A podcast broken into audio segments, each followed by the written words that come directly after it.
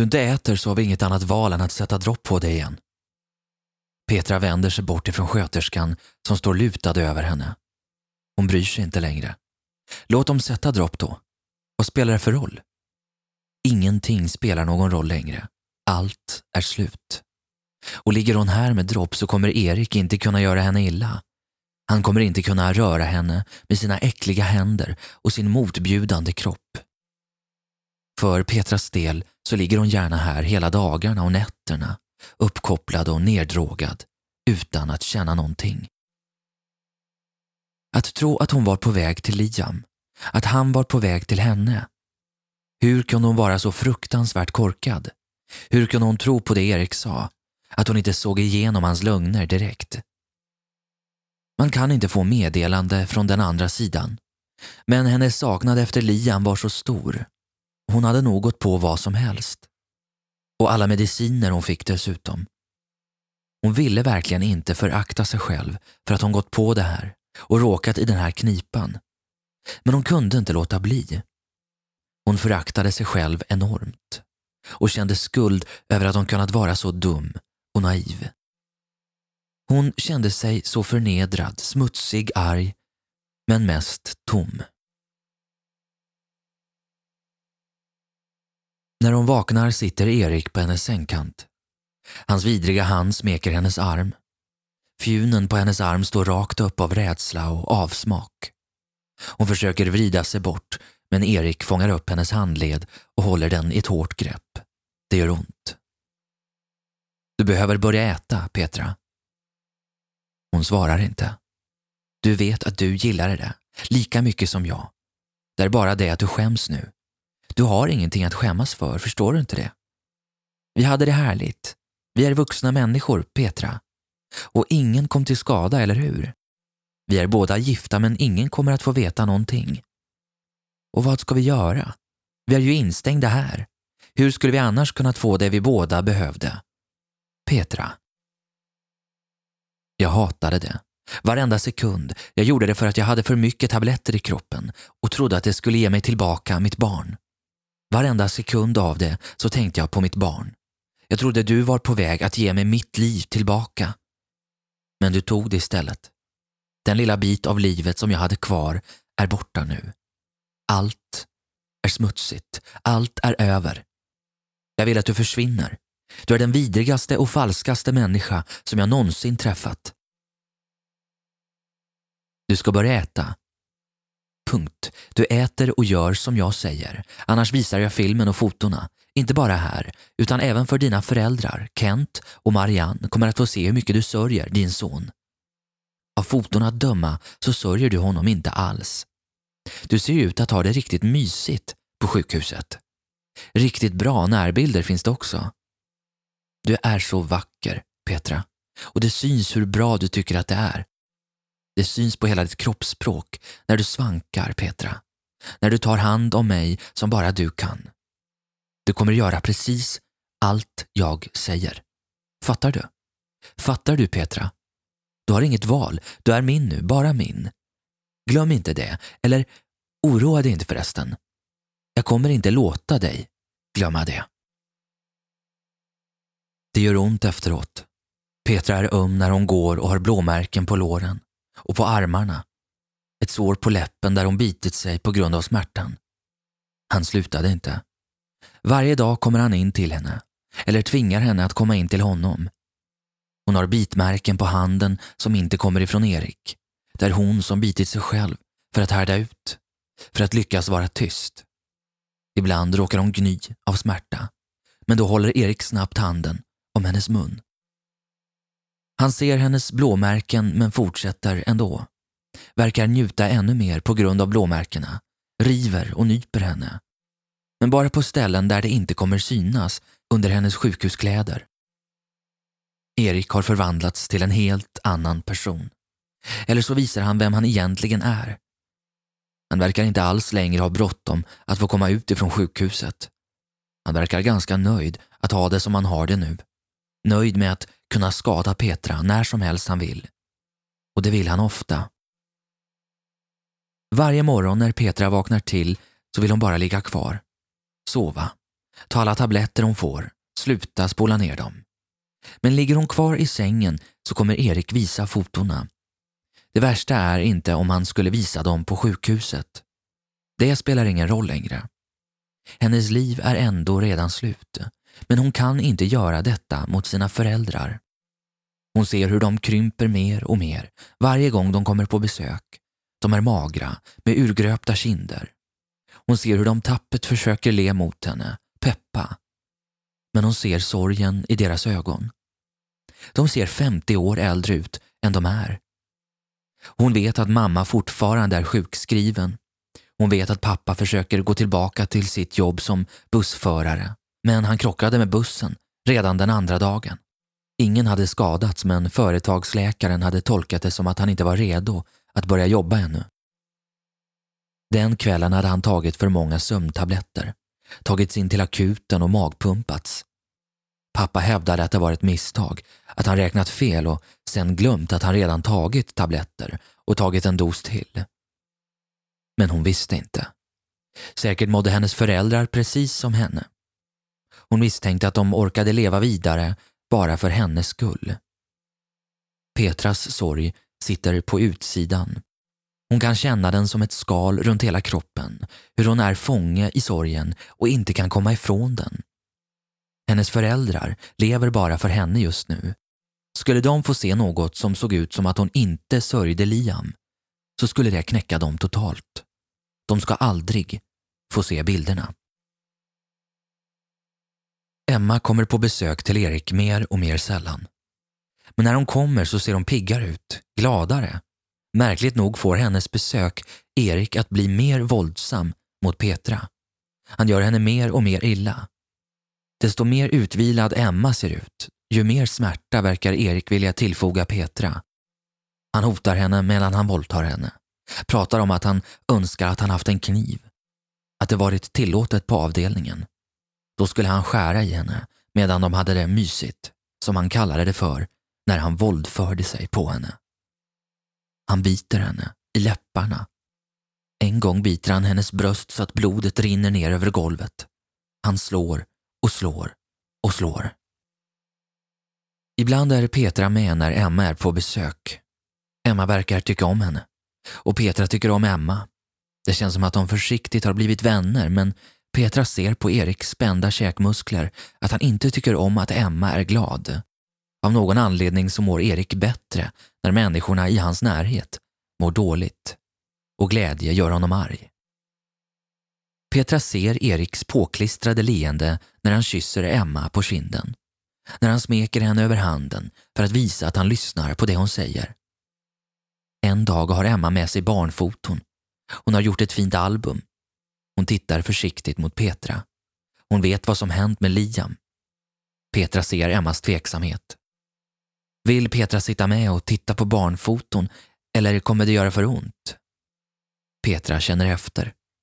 Hon saknar Liam så att det känns som att hjärtat sitter på utsidan av kroppen. Men det är just Liam hon saknar. Kanske kommer det gå bra att titta på andra barn. På Emmas. Och det går bra. Emma har gjort ett fantastiskt album. Många av fotona har hon tagit själv. Hon är en jätteduktig fotograf. Vardagliga bilder som fångar nuet. Petra är glad att hon också fotat Lia mycket. Hon lovar sig själv att göra ett album direkt när hon kommer hem. Liams åtta månader i ett album. Det blir fint. Det gör ont men det kommer bli så fint. Kanske kommer det vara läkande. Petra ser Emmas stolta blick när hon bläddrar i albumet. Emmas kinder glöder röda och Petra blir inte ledsen. Inte det minsta. För första gången sedan Liams död så känner hon värme. Hon fylls av värme i hela bröstet och känner ett leende växa i ansiktet. Vad märkligt det känns. Ovant. Leendet känns som en grimas, men samtidigt känns det bra. Hon vill krama Emma. Och hon förvånar sig själv med att faktiskt göra det. Emma kramar tillbaka, hårt men mjukt samtidigt. Och där och då så delar de någonting speciellt. Mammakärleken. Energi strålar ifrån Emma till Petra och Petra känner sig starkare. För första gången känner hon hopp. Kanske kan hon överleva det här. Kanske kan hon komma ut på andra sidan och bygga upp sitt liv igen. Börja om.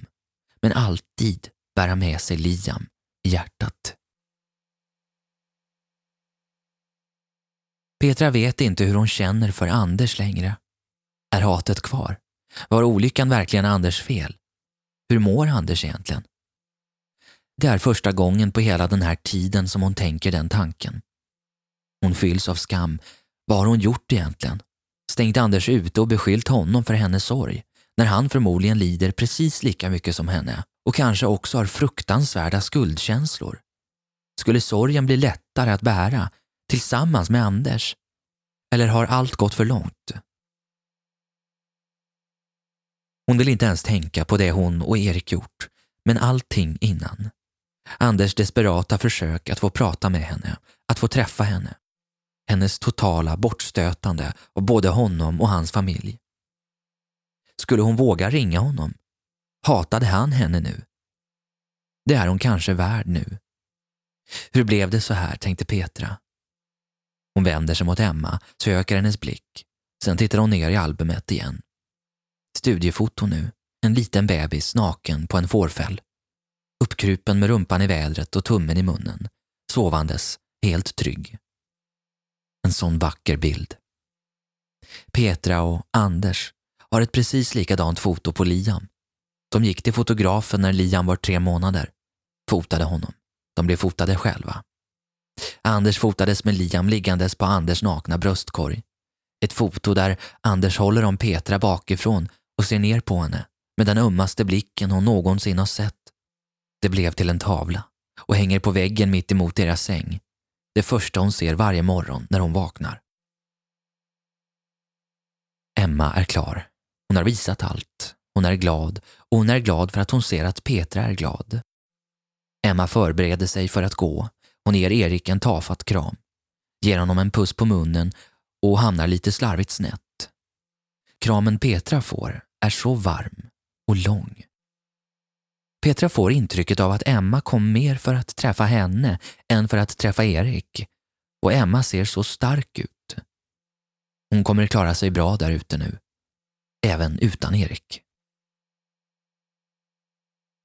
Eriks grepp om Petras hår är så fruktansvärt hårt. Hon känner hur håret lossnar ifrån skalpen på vissa ställen.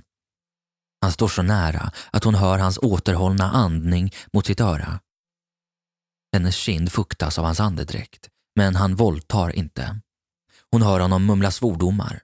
Hora, fnask, luder. Allt är ditt fel. Allt är ditt fel.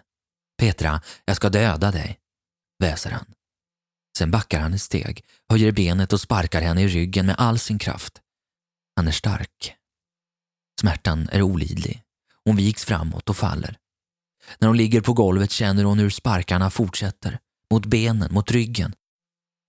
Petra känner inte smärtan längre, hon är bara så trött, men hon vet att hon borde försöka hålla sig vaken. Men hon minns inte varför. Hon borde försöka skrika på hjälp. Hon öppnar munnen men ingenting kommer ut. Sen börjar taket snurra och allt blir mörkt. Petra vaknar. Hon ligger fortfarande på golvet på handikapptoaletten i korridoren. Men hon lever. Det förvånar henne. Hon har svårt att röra på benen och ryggen smärtar fruktansvärt. Men hon tar sig upp på fötter. En stor tova av långt mörkbrunt hår ligger helt öppet i papperskorgen. Petra känner sig i hårbotten. Det gör så ont. Och där är den. Den tomma fläcken är säkert fem centimeter bred. Hon tittar i spegeln och ser den tydligt. Hon lägger över håret från andra sidan så att fläcken inte syns längre. Har hon håret i tofs framöver så kommer hon kunna lägga håret över fläcken och dölja den. Den avrivna hårtussen gömmer hon innanför kläderna. Petra tar sig ut i korridoren med långsamma steg, tittar först ut genom en liten glipa. Det är tomt. Så snabbt hon förmår tar hon sig in i sitt eget rum, ner i sängen, ringer på klockan. Det kommer en sköterska. Hej Petra, du ringde. Det är Pia som är hennes sköterska idag. Petra tycker om Pia. Ja, jag reste mig precis upp och då drog det till i hela ryggen. Fasiken, jag tror jag fått ryggskott. Går det att få lite extra smärtstillande? Ja, ja visst, du ska få Voltaren. Och så får du en extra stark smärtstillande också. Usch, ryggskott gör ju så ont. Hoppas att det går över snabbt, säger Pia. Det hoppas, jag verk det, det hoppas verkligen jag med. Precis när jag börjat känna mig piggare. Jag hade tänkt att äta middagen i matsalen idag och så blev det så här. Ja, du får hålla ut helt enkelt. Tabletterna kommer ta bort smärtan och få musklerna att slappna av. Du ska få en värmedyna också. Och ring när du behöver gå på toaletten så kommer någon och hjälper dig. Tack snälla, säger Petra. Usch vad dumt det blev, men du har helt rätt. Jag ska ligga kvar här i sängen för alltid känns det som nu. Lugn, det kommer bli bättre. Och är du inte bättre på ett par dagar så tar vi hit vår kiropraktor som får titta på dig. Det kommer bli bra snabbt, Petra. Jag lovar.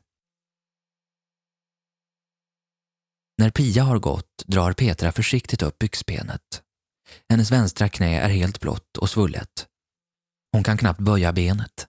Det här måste bli bra snabbt. Kommer en kiropraktor och ser det här så blir det katastrof. En halvtimme senare sover Petra med muskelavslappnande och morfin i kroppen. Hon sover tungt och drömlöst. För första gången på länge. På något sätt så lyckas Petra undvika att kiropraktorn kommer, trots att hon går nästan dubbelvikt i tre dagar och släpar det ena benet efter sig. Men hon kan schemat utan till vid det här laget. När frukosten kommer, när medicinen delas ut, när blodtrycket ska tas. Hon tar sig till toaletten när hon vet att ingen kommer att komma och se. Resten av tiden ligger hon i sängen. Och den här gången är det som att Erik förstår att det inte är smart att komma in till Petra att det kommer leda till en katastrof.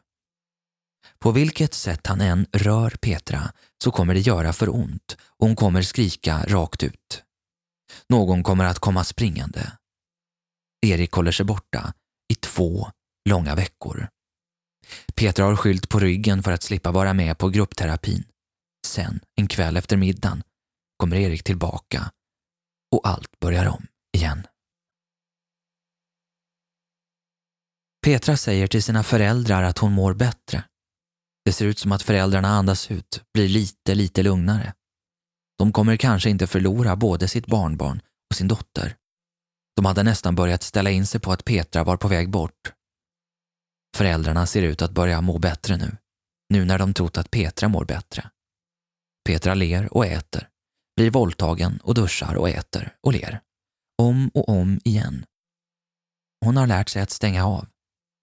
När Eriks första försiktiga smekning kommer är hennes sköld uppe och när den första örfilen kommer så är hon redo och rör inte en min. Veckorna går och Petras mamma börjar jobba, deltid. Det går bra, säger hon. Det är skönt att komma bort från alla tankar en stund. Att jobba med siffror är perfekt, säger hon. Inga känslor inblandade, men samtidigt så komplext att hon inte kan tänka på annat medan hon arbetar. Hon måste koncentrera sig. Hennes arbete ger henne en annan slags vila, en vila som sjukskrivningen inte gav. Föräldrarna kommer förbi så ofta de kan. Hela den här långa tiden har de kommit upp minst varannan dag. I början, i många veckor, så sov sig Petra igenom den största delen av föräldrarnas besök. Men de var där ändå, tysta. När hon vaknade kände hon deras blickar på hennes ansikte. Hur mådde Petra idag? Nu kunde man nästan ta på deras lugn. Sorgen fanns där fortfarande, men de kunde hantera den. De kunde se att det fanns en framtid där framme någonstans, sa de till Petra. Hon ville så gärna hålla med. Om allt med Erik inte hade hänt så hade hon hållit med. Herregud, vad allt blivit fel. Herregud, vilken fruktansvärd människa Erik är. Hon skulle göra vad som helst för att han ska sluta för att han ska låta henne vara. Men han låter henne inte vara. Erik gör henne bara mer och mer illa och han blir mer och mer oförsiktig. Han bryr sig mindre och mindre om att tänka på att bara göra henne illa på ställen som inte syns. Nu syns det ibland på armarna, på halsen. Petra är glad att hon har långt hår. Trots att hon numera alltid har tofs är håret tillräckligt långt för att kunna bredas ut och täcka de blåmärken som finns efter hans fingrar mot hennes hals. Det känns som att Erik börjar tappa kontrollen. I början kändes allt så planerat och genomtänkt. Nu kan han ibland bara dra in henne på toaletten i korridoren eller komma in på hennes rum en kvart innan det är dags för ronden och rummet kommer fyllas av läkare, sköterskor och läkarstudenter. En gång höll de på att bli påkomna. Erik hade kommit in till hennes rum, kommit fram till henne där hon låg på sängen och tittade upp i taket. Han stod framför henne och knäppte upp byxorna, bara pekade på vad han förväntade sig av henne. Precis då öppnades dörren. Den korta knackningen samtidigt som dörren öppnades. På något sätt så lyckades Erik knäppa gylfen samtidigt som han glatt sa till Petra. Eller hur? Med hög röst. Han skrattade och skrattet lät naturligt. Undersköterskan som kom in för att ta Petras blodtryck tycktes inte märka någonting alls. Ibland önskar Petra att någon skulle komma på dem. Men vad skulle då hända? Allt skulle komma ut och livet skulle vara ännu mer över än det redan var. Det fick helt enkelt inte hända. Erik har gjort henne så illa och varit farlig från första början, trots att hon inte förstod det då. Men nu när han verkar ha tappat kontrollen så är han ännu farligare.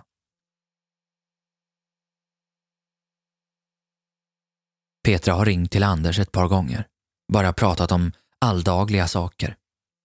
Och eftersom ingenting i deras liv just nu är alldagligt så finns det inte så mycket kvar att prata om. Samtalen blir korta. Men Petra får höra Anders röst. Hon vet att han är sjukskriven. Hon vet att han sitter vid graven varje dag. Varje dag hennes föräldrar har varit där så har Anders suttit där. Pratat. Planterat blommor eller försökt få en ljushållare att sitta ordentligt fast i marken. Eller så har han bara suttit och blundat. Petras föräldrar har alltid väntat när de sett Anders vid graven. Tagit en promenad och kommit tillbaka och försiktigt närmat sig och kramat om Anders. Anders ansikte har alltid lyst upp när de träffats där, berättar föräldrarna. Petra är glad att Anders sitter vid graven nu, att Liam slipper vara ensam. Hon är glad att Anders inte hatar henne, att han vill prata. Han är en fin pappa, den finaste och Petra önskar att de kunde ta bort hans sorg och hans skuldkänslor. Att prata med Anders är skönt. De pratar om att ses snart. Men Petra vill inte ses här på sjukhuset, inte där Erik finns och har solkat ner allt. Hon vill träffa Anders ute. Hon vill komma ut. Petra vill komma ut ifrån sjukhuset men vet inte ens hur det ska gå till med Eriks hot. Om han också blir friskförklarad och kommer ut. Han kommer ha fotona med sig. Han är tydligen vän med Anders på Facebook och vet såklart vad de heter i efternamn.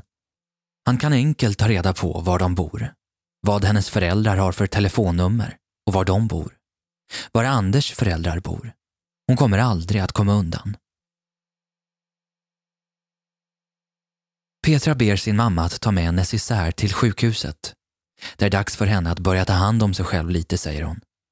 Det skulle få henne att må mycket bättre. Kunde mamma ta med sig ett bra balsam, ett som gör håret mindre torrt och som luktar gott? Kanske en härlig fuktkräm till händerna, tandtråd, kanske till och med en fuktmask till ansiktet. Föräldrarna skiner upp. De är på väg att få tillbaka sin dotter. Snart kommer hon få komma hem, säger de till varandra.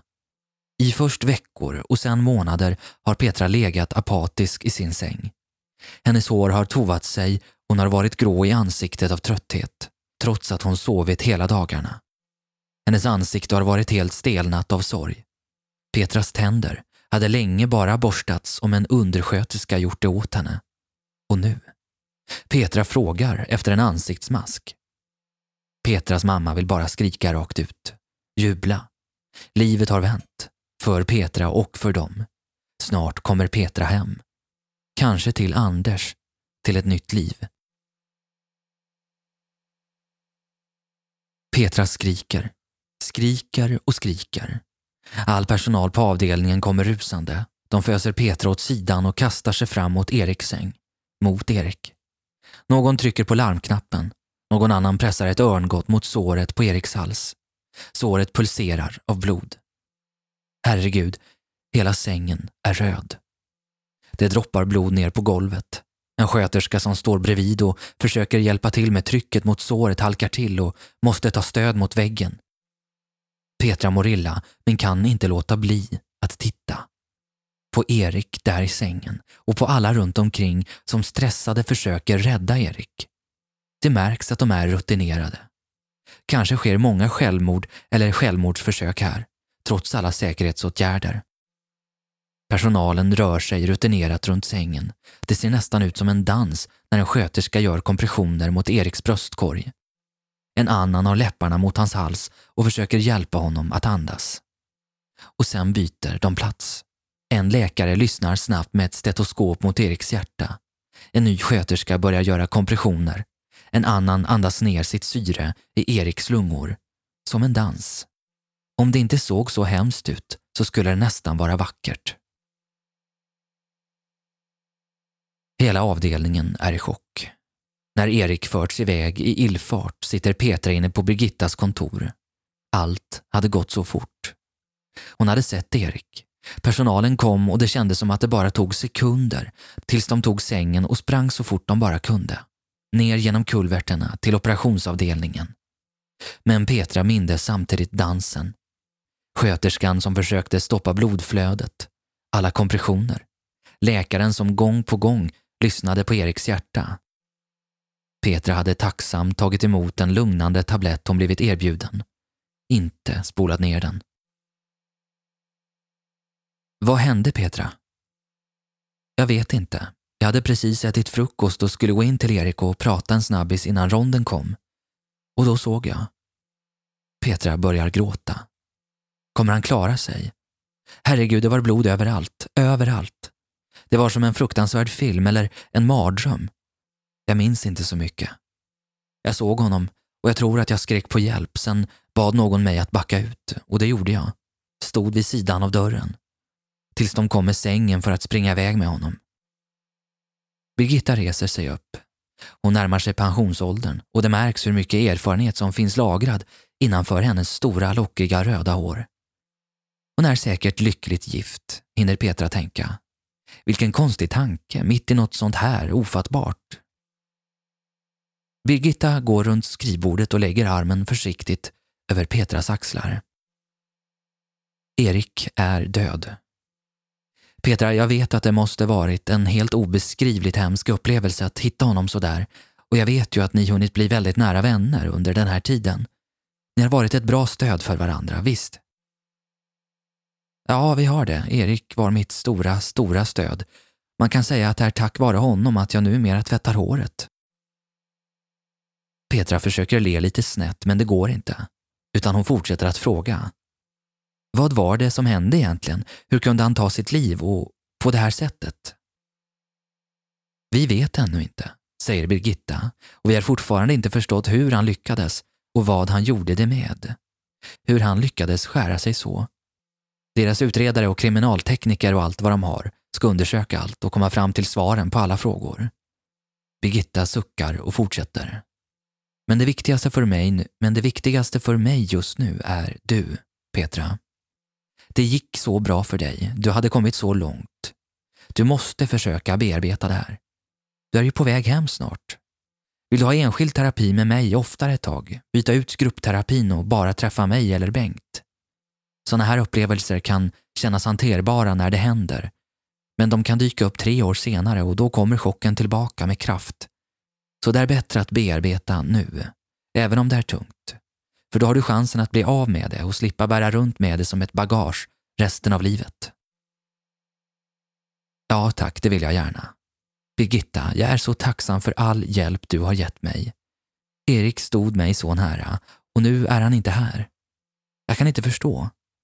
Det är som att jag inte vill förstå. Du måste hjälpa mig. Nu kommer äntligen tårarna. Det börjar långsamt, det rinner ner för kinderna när hon tänker igenom det som hände. Efter ett tag kommer snyftningarna. Birgitta ställer sig bakom henne och lägger händerna på hennes axlar. Det känns skönt, tryggt. Birgitta kommer hjälpa henne att ta sig igenom detta så att hon kan åka hem. Den här kvällen tar Petra emot sömntabletterna och ber om en extra. Det behöver hon.